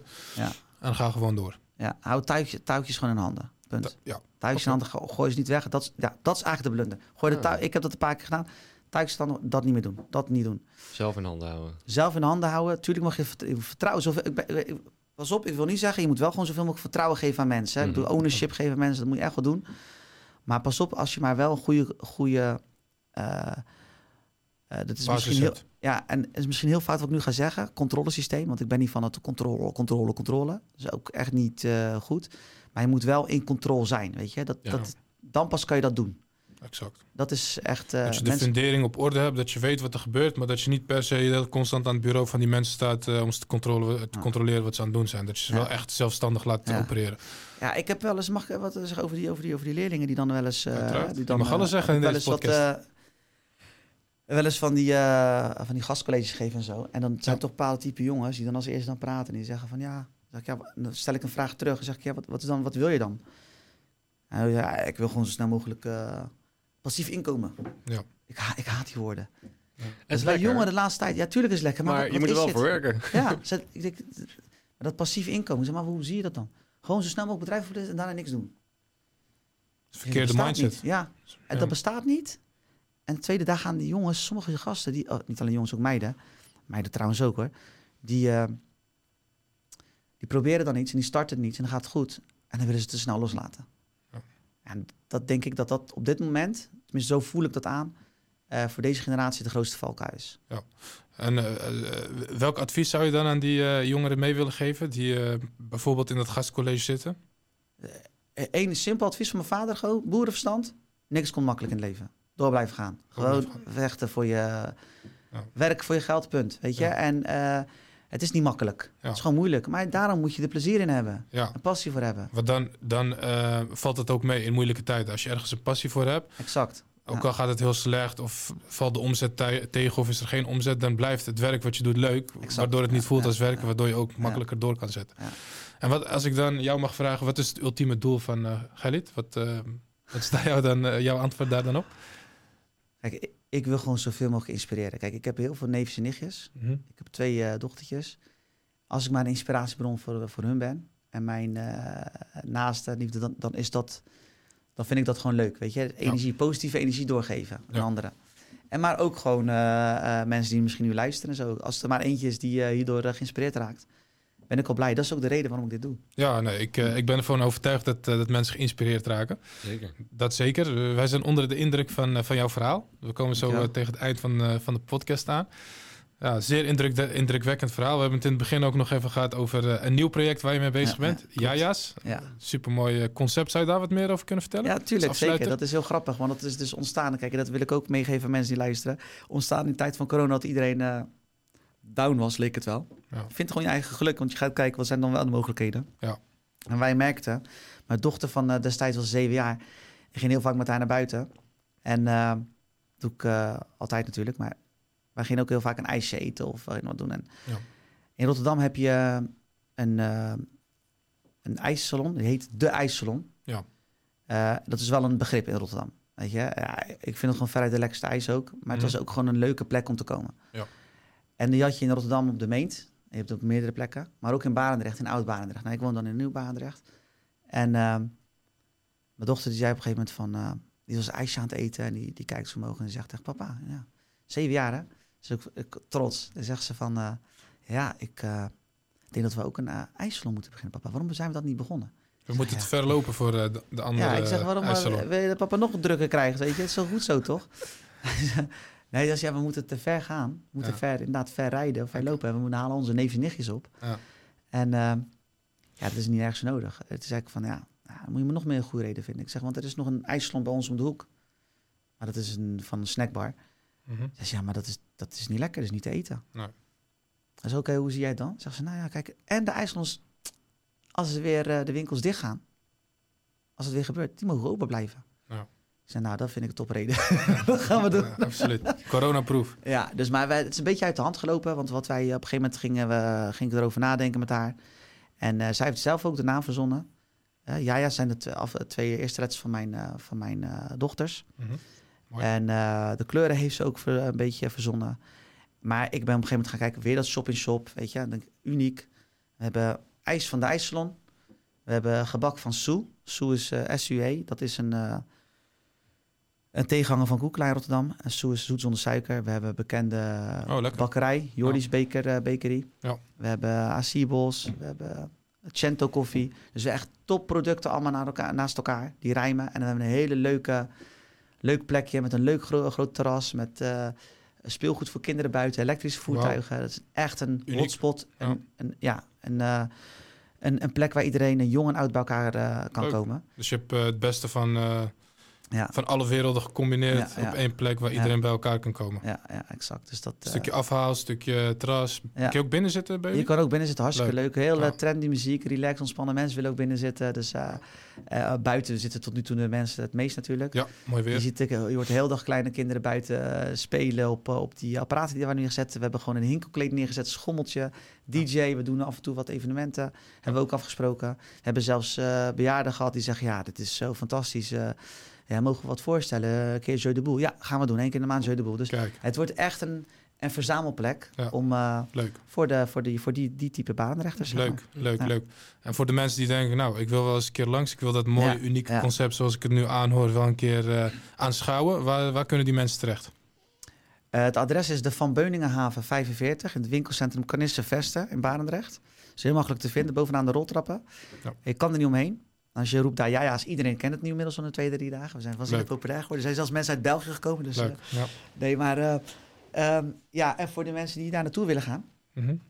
Ik weet niet of ik... eh, Ja, we hebben het even kort zeggen, besproken ja. in het voorgesprek. Maar we hebben volgens mij een leuke actie die we kunnen delen met onze lu- luisteraars. ja. Zeg het maar. Nou, en dat is dat als zij een leuke foto delen Ja. op, Op locatie.